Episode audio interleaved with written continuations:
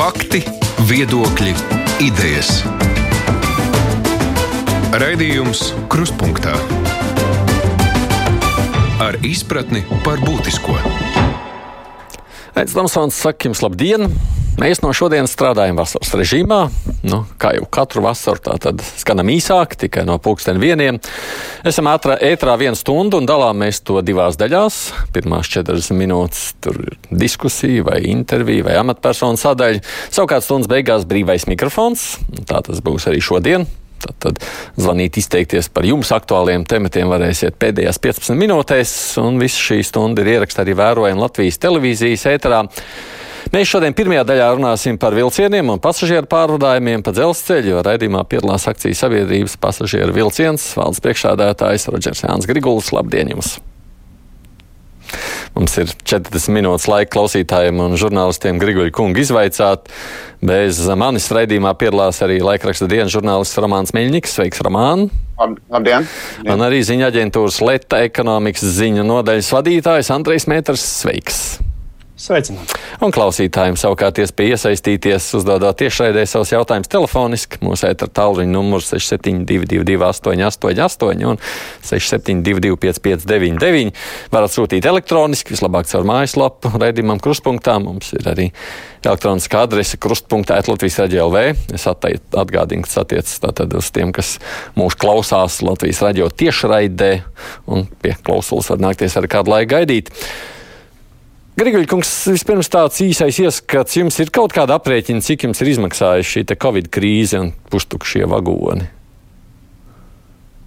Tā. Izmaksas, protams, ir rēķināts, bet krīze jau nav beigusies, lai arī pēdējo dienu rezultāti ir ļoti pozitīvi.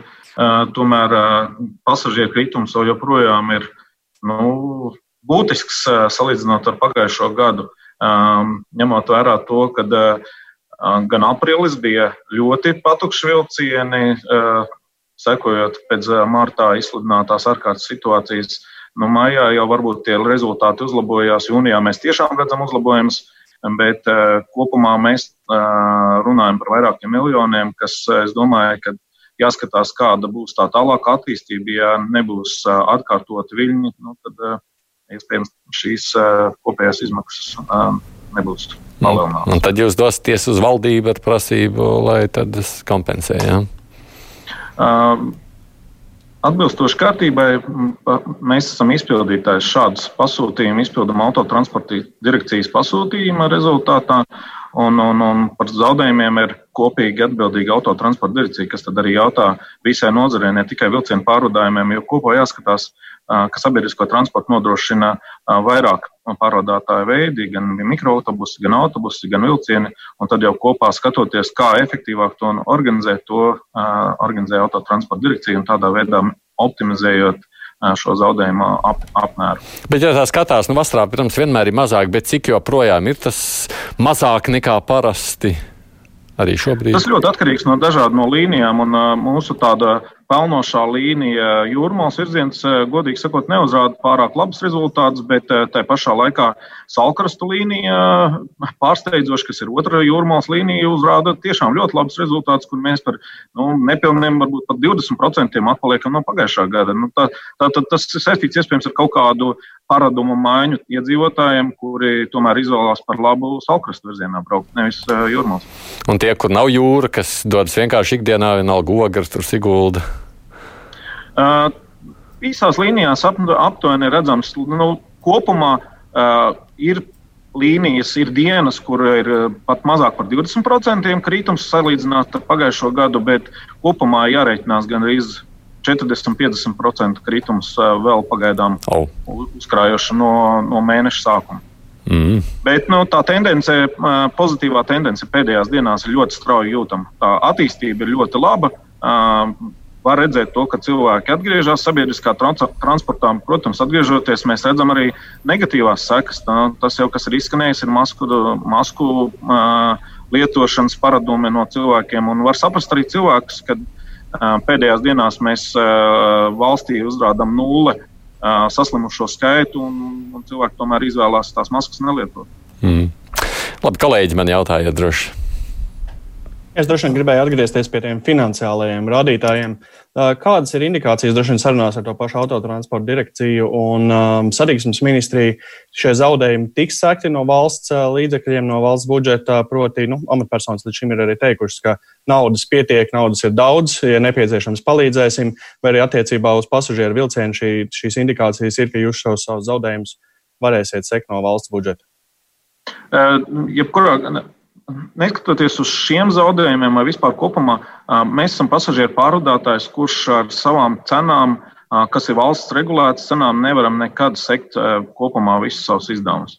Līdz ar to, jebkura veida izdevumi katru gadu tiek sekti no valsts budžeta. Un šajā gadījumā, protams, izsludinot ārkārtas situāciju, tādējādi ietekmējot tieši mūsu pārvadāto pasažieru skaitu, no šie zaudējuma apjoms palielinājās.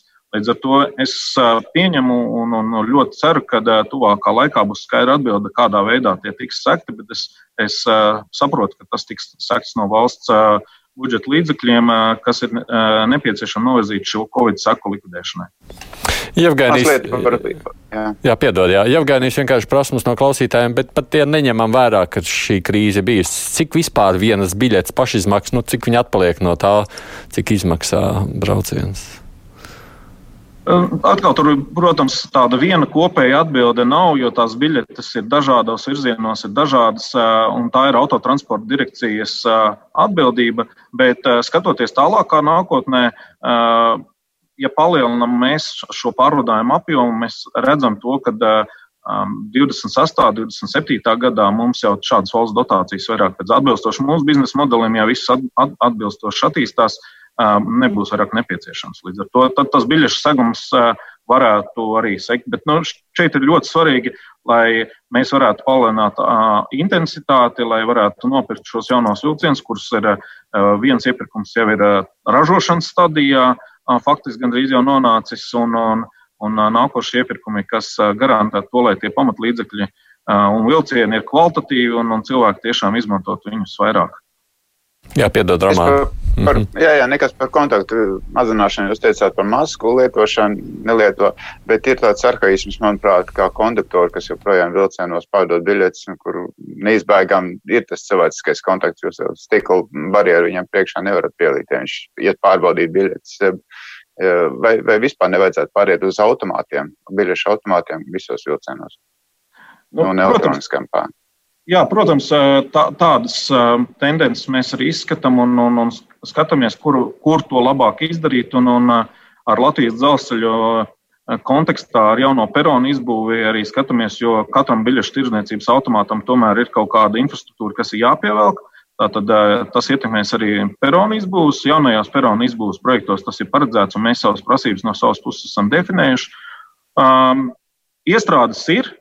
Pirmās iestrādes es drīzāk teiktu, ka vairāk strādājam tajā virzienā, lai pāriet uz elektroniskām biļetēm, kas ir mūsu mobilā aplikācijā. Tur var redzēt ļoti labas kopējās tendences. Tendences ir pieaugums, pasažieru pieaugums, tie, kur izvēlās elektroniskās biļetes pirkt aplikācijā, pieaug katru nedēļu par nu, būtiski iespaidīgi procenti. Ja pagājušajā Tā jūs, es, jūs nedzirdat, vai jūs neviens? Šā gadā, gadu pret gadu, tur bija gandrīz 200% pieaugums, nu, kas man liekas ir ļoti, ļoti būtisks pieaugums. Vai man nevar dzirdēt? Tagad, jā, bija, bija uzkāršanās, bet dzirdījus tagad. Viss kārtībā, jā. turpiniet droši. Jā. Jā, nē, droši vien interneta. interneta nu, jā, interneta sakars, jā, bet, bet turpiniet, jā. jā. Jā, nu, bet uh, nākošais, protams, loģiskais solis ir uh, biļešu izniecības aparāti. Un biļešu izniecības aparātiem uh, Protams, kad ir uh, sava veida programmēšanas uh, um, izaicinājumi, jo dažādi, dažādas uh, novietojumi, kur viņi ir jāizvieto tie aparāti ar dažādiem biļešu veidiem. Pie tā mēs strādājam, un es domāju, ka tuvākā laikā mēs varēsim arī iepriecināt ar jau kaut kādām pirmām testa versijām. Mm -hmm. Runājot par vēl vienu jautājumu. Jā, bet, protams. Tikko nu, pat bija ziņa par uh, dīzeļvietu cenu iepirkumu. Vai tur arī paredzēts zemās krīzes uh, versijas, lai, lai cilvēkiem būtu pieejami?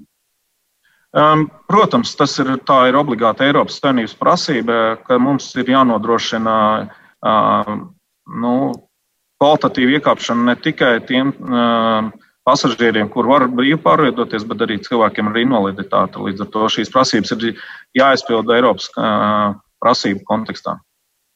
Mm, jā, Andrej. Ja jau pieskaramies šiem dīzeļvilcienu iepirkumam, kas tieši ir plānots, ko tieši ir plānots pirkt? Es saprotu, ka tās nav tikai lokomotīvas, kuras ir nepieciešamas, tāpēc, ka ir šīs aizstājamās zvezdā lokomotīvas, bet kas vēl, tas, kas saprotu, tas ir viss vilcienu sastāvs ar visiem pasažieru vagoniem un cik vagoni tad tiek pirkti. Un, jā, tāds ir jautājums. Mums varbūt nav tik precīzi definēts vagonu skaits. Mums svarīgākais ir uh, pasažieru ietilpība, uh, ko mēs esam definējuši. Tas ir līdz 200, 200 250 pasažieru ietilpības vilcieni. Uh, un tieši tā, pilnīgi pareizi. Tie nav lokomotīvas, kuras mēs pērkam, mēs pērkam pilnas sastāvus, jo, kā jau iepriekšējā jautājumā tika runāts par par iekāpšanu, un ne jau lokomotīva nodrošina to ērto iekāpšanu pasažieriem, kā arī tās visas citas mūsdienīgās prasības, kaut arī tie paši kondicionieri, kas tagad mūsu vilcienos, viņi nav aprīkoti elektrovilcienos, ja mēs braucam uz, uz to pašu jūrmā pie šādiem Uh, laika apstākļiem ir diezgan smacīgs vilcienos. Vienīgais, ko mēs varam veidot, bet nu, jaunajos vilcienos šīs klimata apstākļi tiks nodrošināti kvalitatīvi. Ja drīkst savukārt prasot par šiem tālāk jautājumiem no klausītājiem. Man ir prasa ļoti praktiski, vai telefonu lietotnē, kur jūs tādu pieminējāt, biļeti var saņemt arī cilvēks ar pirmās un otrās grupas invaliditāti. Nu, Protams, vai tur ir tās nulles biļetes, vai tur jāno? Nē, pašreiz tādas, pašreiz tādas pieejamas nav, jo faktiski, lai saņemtu šādas biļetes, jāuzrāda ir apliecība, ka, kura paredz to, ka cilvēkam patiesībā pienākās šāda biļete. Bet no nu- elektroniskās biļetes, biļetēs pagaidām šī, šīs. Šī, šādas biļetes nav iespējams, bet nu, mēs skatāmies, kādā veidus, kādā veidā varētu to informāciju varbūt arī centralizēt, saņemt no, no iestādēm, lai varētu identificēt tos cilvēkus, kuriem šādas atlaides pienāk. Jo ģimenes biļetēm jau jūs esat atraduši to iespēju, ka tur var izdarīt arī elektroniski. Tur jau arī ir atlaides. Eh, tur ir atlaides, jā, bet uh, ir jārēķinās to, ka, uh, lai nebūtu līdzīgas situācijas, kad um, um, invalīdu biļetes faktiski ir biļetes, kuras uh, bija arī skandāls, ja nemaldos, ar uh, mikroautobusiem, kad uh, tika izrakstītas biļetes un faktiski vai pārvietojās vai nepārvietojās. Nu, tur ir ļoti apšaubāmi. Man grūti komentēt tālāk. Bet uh, mūsu gadījumā, ja mēs atļautu šādas biļetes iegādāties elektroniski, nu, jā, jābūt instrumentam, lai nepieļautu ne, uh, nelabticīgi iegādāties biļetes, par kurām nav jāmaksā, un, un faktiski tādā veidā saņemt tikai valsts budžeta līdzekļus. Skaidrs. Sanāk tagad tie cilvēki, kas ir ar invaliditāti, iet pie konduktora, un, un tad sanāk liekas kontakts, liek, liek iešana, liek procedūra. Saržģīt. Kontakts ar konduktoriem jebkurā gadījumā sanāk, jo konduktors jau pārbauda biļetes esamību vai neesamību. Tajā brīdī, tad, kad uh, ir iekāpts vilcienā, nu, jāpārbauda tas.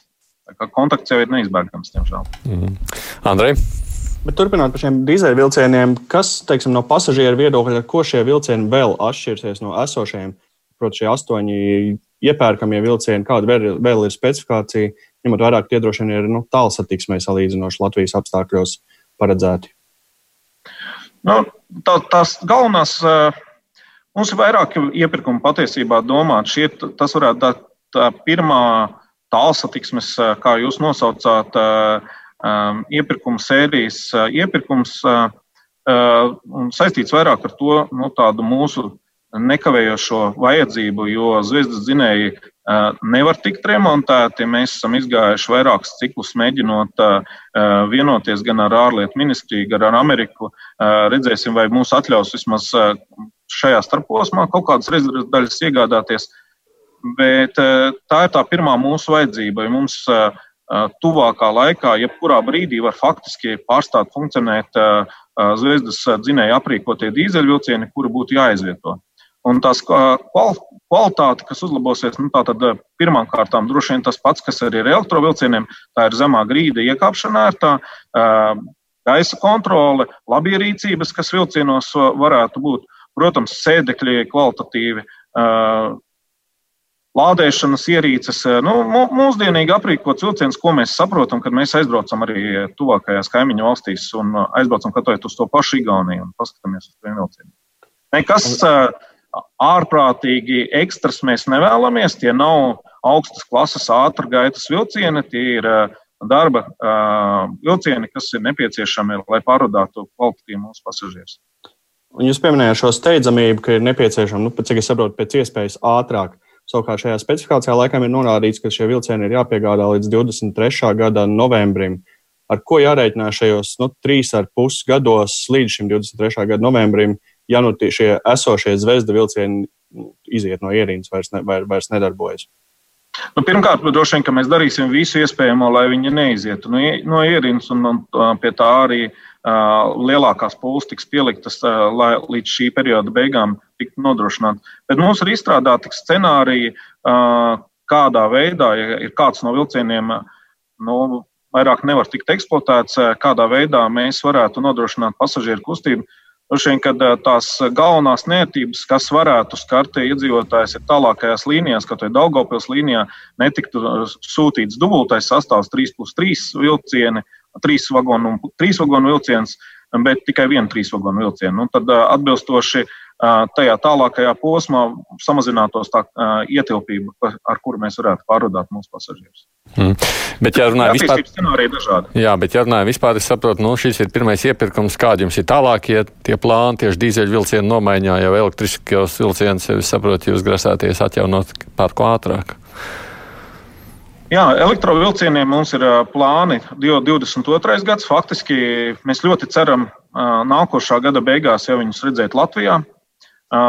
Viņus gan varēs, nevarēs eksploatēt, viņus gan varēs vienīgais redzēt, jo visiem vilcieniem ir jāiz, jāveic testēšana. Līdz ar to viņi brauks vispirms pa infrastruktūru, skatīsies, vai viņi atbilst visām tehniskām prasībām, lai mēs 2022. gada sākumā jau viņus varētu sākt lietot eksploatācijā. Un tad sekundāri jau nāks dīzeļvilcieni, un tad mēs, protams, domājam par jaunu līniju atvēršanu, kas jau ir izskanējusi Bolderājas līnija, kur pilsētā skatāmies labākās tehnoloģijas, vai tie būtu ar ap, baterijām aprīkoti vilcieni, vai tie būtu jau vilcieni, kuriem tiktu nodrošinātas nu, hibrīdi. Sauksim viņus par hibrīdu vilcieniem, kur vairākas vilcis. Tātad, ja viņš brauc tajā zonā, kur ir elektrifikācija, ir iespējams izmantot elektrificēto zonu un elektrību izmantojot braukt. Un tajās zonās, kur nav veikta elektrifikācija, tur izmantot alternatīvu vilci. Vai nu, tā būtu dīzeļi, vai tas būtu ūdeņradis vai, vai baterijas. Nu, tas jau būtu no piegādātājiem. Skatoties, kāds tas labākais risinājums tiks piegādāts. Bet par tiem dīzeļiem runājot, cik mums vispār ir to vilcienu, cik mums tādu nomaiņu ir vajadzīga, lai visu parku nomainītu? Un kad tas varētu notikt? Pašreiz mums ir 22 vilcieni, no kuriem mēs tad nomainām 8. Un pēc tam? Un pēc tam? Pēc tam ir mēs strādājam vēl pie pilniem attīstības plāniem, bet ja mēs gribētu tādu uh, lielu uh, nu, noklātu teritoriju, lai, lai gan Liepāju apkalpotu, gan uh, Vēnspili apkalpotu, gan arī pārobežu šauļiem brauktu vai tuvāko pārobežu, nu tad kopējais skaits tur jau tuvojās pie 40 vilcieniem, 30, 40 vilcieniem. Bet es domāju, ka tuvākā laikā mēs tos aprēķinus pabeigsim, un tad arī nāksim arī ar paziņojumu un arī informāciju, kādā veidā mēs redzam mūsu attīstības stratēģiju. Bet šos 22, kad varētu visus nomainīt, kas ir jau esošie nepieciešamība? Uh, Ziniet, tas ir atkarīgs no, no, ne tikai no mums, arī šiem astoņiem vilcieniem mums ir nepieciešama valdības atbalsts, tieši tāpat kā tas bija nepieciešams elektrovilcienos, jo mēs esam um, no valsts līdzekļiem finansēts uzņēmums, līdz ar to mēs esam iekļauti vispārējā valdības dienestā. Un mums ir nepieciešama apstiprināta valdības ietekme uz vispārējo valsts budžetu.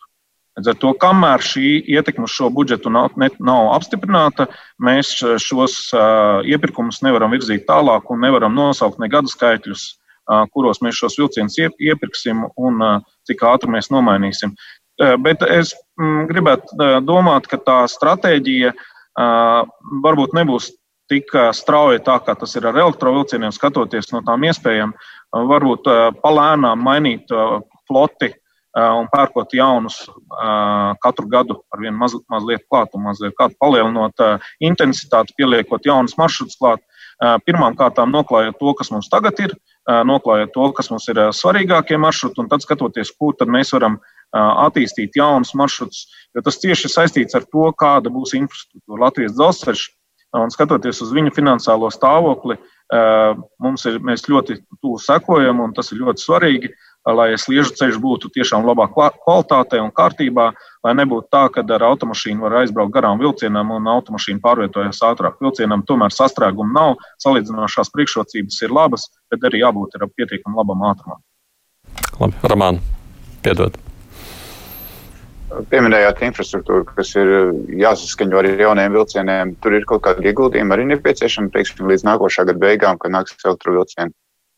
Um, viennozīmīgi ir tas, ko mēs esam runājuši ar Latvijas dzelzceļu, uh, un vairāk kārtīgi tas, man liekas, arī iekļauts viņu daudzgadu līgumā, uh, ir jāpielāgo elektrozonām šie peroni. Jebkura perona izbūve uh, ir jāveic atbilstoši Eiropas Savienības standartiem. Pašreiz izbūvētie peroni šādiem standartiem neatbilst, atbilst tikai atsevišķās līnijās jau modernizētie peroni, kas lielākoties ir jūrmālas virzienā. Uh, Un šādas investīcijas Latvijas dzelzceļš plāno, viņiem ir iekļauts viņu attīstības programmā, un, cik saprotams, 22. un 23. gadā šāda perona izbūve ir plānota un tiks veikta.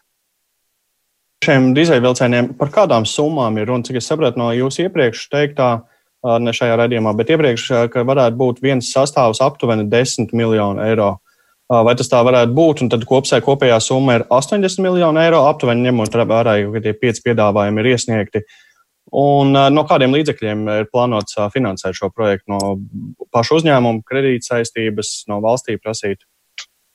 Jā, nu, tās summas ir ļoti indikatīvas. Pirms mēs uzsākām iepirkumu un, un arī par citiem vilcieniem skatoties, mēs izsūtījām praktiski visiem lielākiem Eiropas ražotājiem, 12 ražotājiem, mēs izsūtījām tādas aptaujas anketas par to, ka mums tāda interese ir, skatāmies, vērtējam šādu iepirkumu iespējamību un lūdzām viņiem izteikt savu gatavību piedalīties šādās, šādās iepirkumos un indiktīvi varbūt atsūtīt arī savus iespējamās cenu piedāvājumus.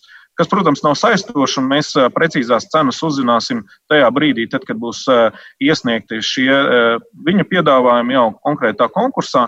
Bet nu, tās indikatīvās cenas aptuveni ap to uh, summu uh, bija. Bija atsevišķi piedāvājumi, kas bija lētāki, bija arī mazliet, varbūt pat dārgāki, bet nu, tas ir tāds aptuvenā summa, ar ko mēs, nu, lai daudz garām nebūtu nošāvuši.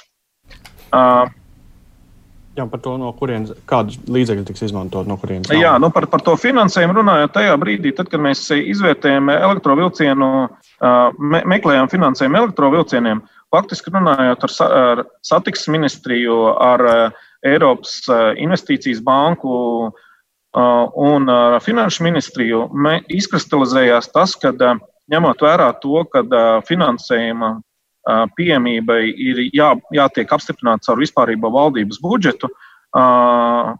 Mums faktiski lētākais variants ir valsts budžeta nauda. Kāpēc?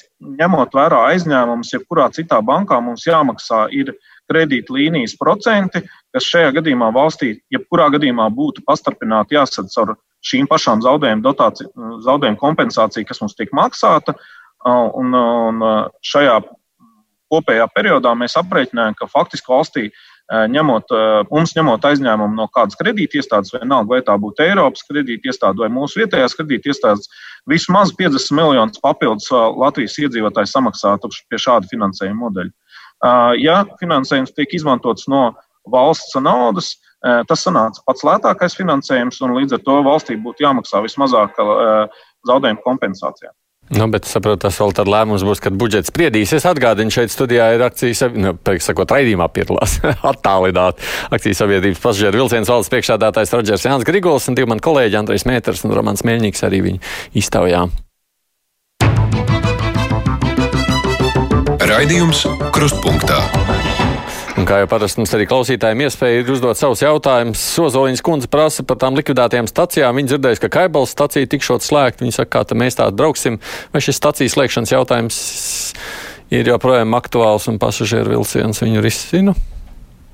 Um, atkal atgriezīsimies pie, pie atbildības. Mēs esam pārvadātājs, kuram uzdod, kur braukt, kur apstāties, cik bieži braukt. Un, un šādas kopējās stratēģijas, attīstības stratēģijas kompetence ir autotransporta direkcijai, kura skatās kops, kopskatā, kur būtu jābrauc gan autobusiem, gan vilcieniem, kāda būtu sasaiste Mēs, protams, piedalāmies aktīvi šajā procesā, bet runājot par pieturvietām, ne tikai slēdzam pieturvietas, bet dzelzceļa plānā ir atvērt arī jaunas pieturvietas. Jau ilgi runāta alfas pieturvieta, par ko mēs vienmēr esam stingri uzstājuši, ka tā ir liederīga vieta. Um, ir plāno, es vismaz ceru, ka vismaz sākotnējos plānos bija iekļauts. Es ceru, ka tāda arī tiks izsludināta iepirkuma konkursa rezultātā, kā arī papildus tiks ļoti cerams atvērta jau ilgaidītā Bolderājas līnija. Tā kā nu, kopumā tās attīstības tendences ir kaut kur kaut kas tiek vērts ciet, un kaut kur kaut kas tiek vērts vaļā.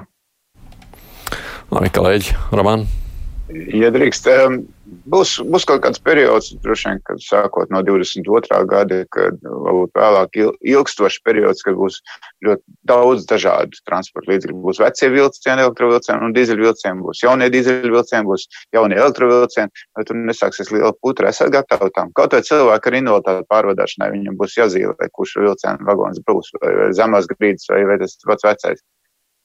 No elektrovilcieniem varbūt tā putra Protams, ka tāda būs, bet nu, vismaz pēc šī piegādes grafika, kas mums ir saskaņots, jau 22. gada laikā faktiski 23 jauni elektrovilcieni tiek piegādāti.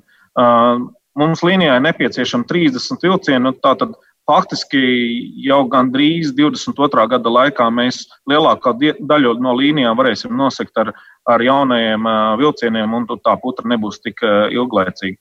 Domāju, ka drīzāk par to putru var, ja, ja tā var izteikties, um, varētu smagāk būt ar celtnieku būvniecības stadiju, kas ir centrālās stacijas pārbūve. Uh, peronu pārbūves, centrālās stacijas pārbūve, Rail Baltica projekts. Nu, tur ir daudz dažādi jautājumi, kas tiek risināti tagad, par kuriem tiek uh, diskutēts un meklēti labākie risinājumi. Uh, bet tas vienmēr ir pārmaiņu laiks, pirms uh, mēs nonākam pie gaišās, skaistās nākotnes. Nu, par Rail Baltica man gribas pajautāt arī jums pašam, cik daudz jūs esat iesaistīti, cik jūs ietekmēs un kādā veidā ies, nu, nezinu, būsiet dalībnieki šī Rail Baltica, vai tas ir absolūti nost no jums? Nu, juridiski, protams, mēs neesam iesaistīti operacionālā līmenī, bet uh, uh, ieteikumu līmenī mēs aktīvi piedalāmies. Uh, Mums projekts ir ļoti svarīgs, jo tas ietekmē mūsu pašreizējo kustību. Visas šīs Rīgas areāla būvniecība ir ļoti svarīga un, un jā, jāsako līdzi, kādā veidā atsevišķos posmos viņi var būtiski ietekmēt caurlaidību. Tās pašas centrālās stacijas būvniecības laikā kur tiks ļoti liela būvniecības darbi, lai tas netraucētu kustību. Un mums par šo sarunas notiekās jau no pagājušā gada. Šogad ir ļoti daudz aktuālas aktīvas sarunas. Nu, tur ir ļoti intensīvs darbs notiekās, lai, lai tā plānošana notiktos pirms tam un tajā brīdī, tad, kad notiekās celtniecība, tad jau katrs zina savas lietas, kur, kur kam ir kurās robežas un cik daudz ko var kurš atļauties. Runājot par tālākiem attīstības plāniem, par braukšanu ar Baltiku, nu jāvērtē. Jāvērtē, jo tur ir vēl ir jāatcerās to, ka tas ir pilnīgi cits sliežu platums. Līdz ar to ir atkal jauns ritošais sastāvs. Vienīgais pozitīvais, protams, pie šī esošā ritošā sastāvā, kas mums tagad elektrovilcienu zonā ir, mm, kur ir 15, 20 sliežu platums vai padomju savienības bijušo sliežu platums. Nu, tur tas uh, tirgus ir plašāks. Līdz ar to iespējams, ka mēs varam paskatīties, varbūt kaut kādus vilcienus nomāt, paņemt, paskatīties, kādā veidā ar viņiem operēt uh, no Eiropas Savienības valstīm. Bet uh, nu, tā, tā vērtēšana notiekās un skatāmies, kādā, kādi būs tie finansiālie nu, noteikumi, uz kuriem mēs varētu strādāt, lai tas būtu mums um, adekvāti un pieņemami. Jā, Andrej. Jā, Rail Baltica projektā tiek izmantota Eiropas fonda nauda, savukārt pasažieru vilcienam mēģinājums piesaistīt nu, Eiropas fonda naudu elektrovilcienu kontekstā nu, beidzās diezgan nesekmīgi, vai pat labāk tiek vērtēts, kā, kādos projektos piesaistīt Eiropas fonda naudu, skatoties tiem pašiem dīzeļvilcieniem, vai arī Eiropas fonda nauda ir atmesta pavisam. Nē, es gribētu pat pateikt to, ka, man liekas, publiskā telpā jau izskanējis to, ka arī tiem elektrovilcieniem, kurus mēs esam iegādājušies un, un kuri tiek ražoti, faktiski ir piešķirts Eiropas Savienības struktūra fonda finansējums. Un mēs šīm finansējumiem gatavojamies saņemšanai. Tas ir augstas gatavības projekts ar konkrētiem termiņiem. Iepirkuma procedūra ir beigusies, lai arī tajā brīdī, tad, kad šis projekts tika izsludināts, iepirkums tika izsludināts, šī fonda nauda nebija pieejama.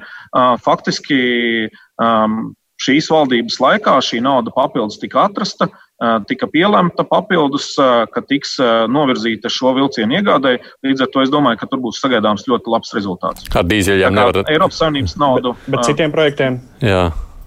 Protams, jāskatās, kuros projektos var izmantot, kuros nevar izmantot, un kur mēs varam. Mēs maksimāli Eiropas Savienības naudu, ja tāda ir pieejama, izmantosim, bet jāatcerās to, ka ir arī programmēšanas periodi.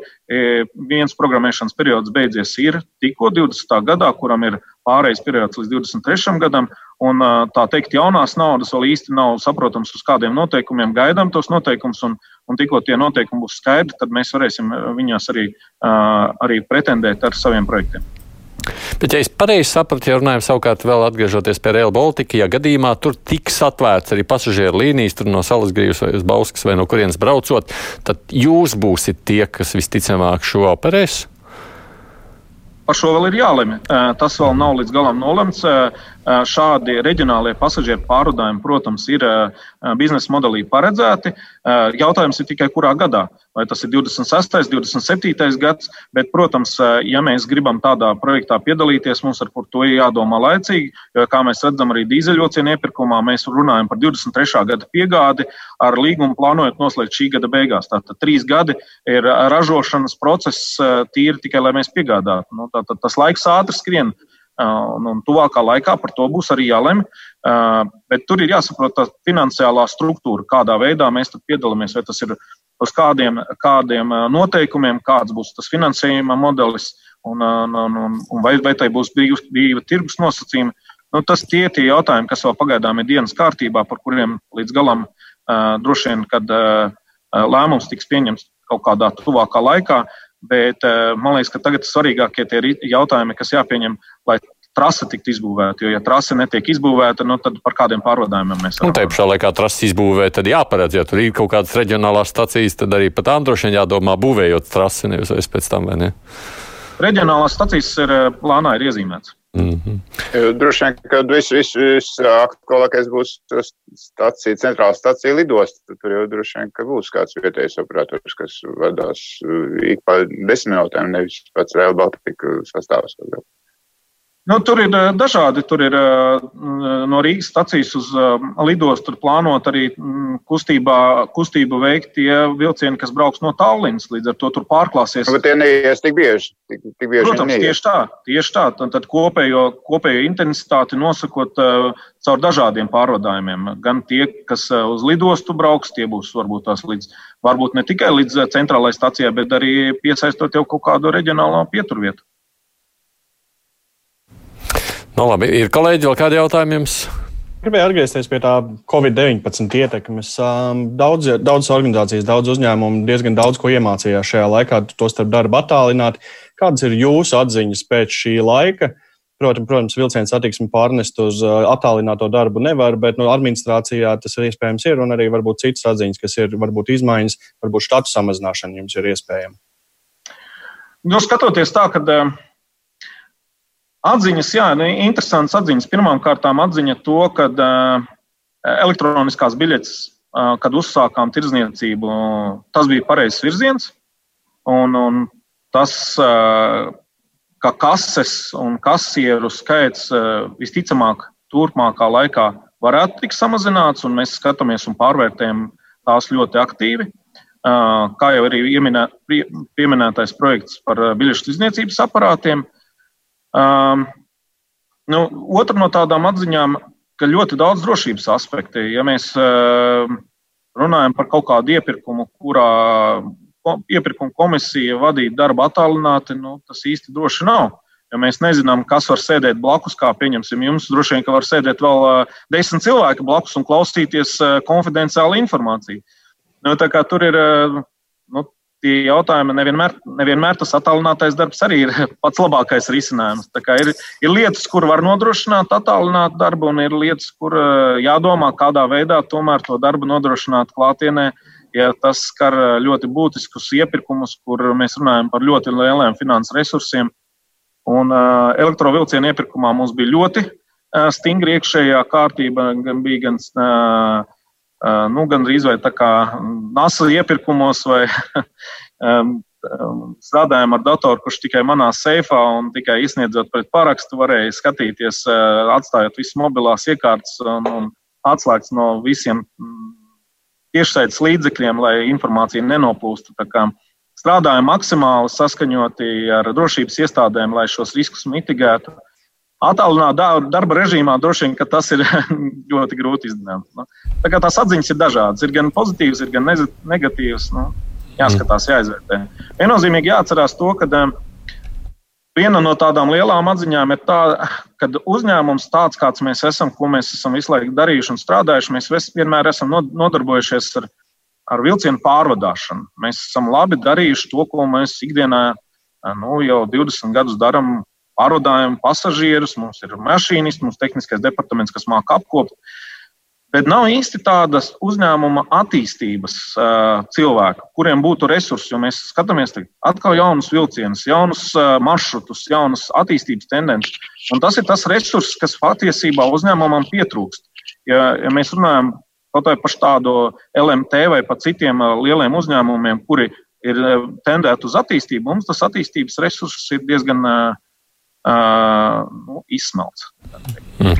Paldies jums, kolēģi, par iesaistīšanos un arī pasažieru vilcienu valdes priekšādātājiem Rodžeram Jānim Grigulim par at atbildēšanu uz jautājumiem. Paldies jums par to, ka bijāt šeit. Es arī saku, man kolēģi šeit ir Andrejs Neiters no ziņa aģentūras Leta un Ramāns Mēņiks no laikraksta Diena. Te daži klausītāji arī jautā par dažām citām lietām, prasot, kam tad tas jau kā atbildībā Ozoliņas kundzei par šo stacijas teikšanu, kā jau Grigoļa kungs sacīja, tas attiec uz autotransporta direkciju. Tā kā gan jau arī šīs vasaras laikā aicināsim kādu šeit uz studiju, lai palīdz atbildēt uz klausītāju jautājumiem.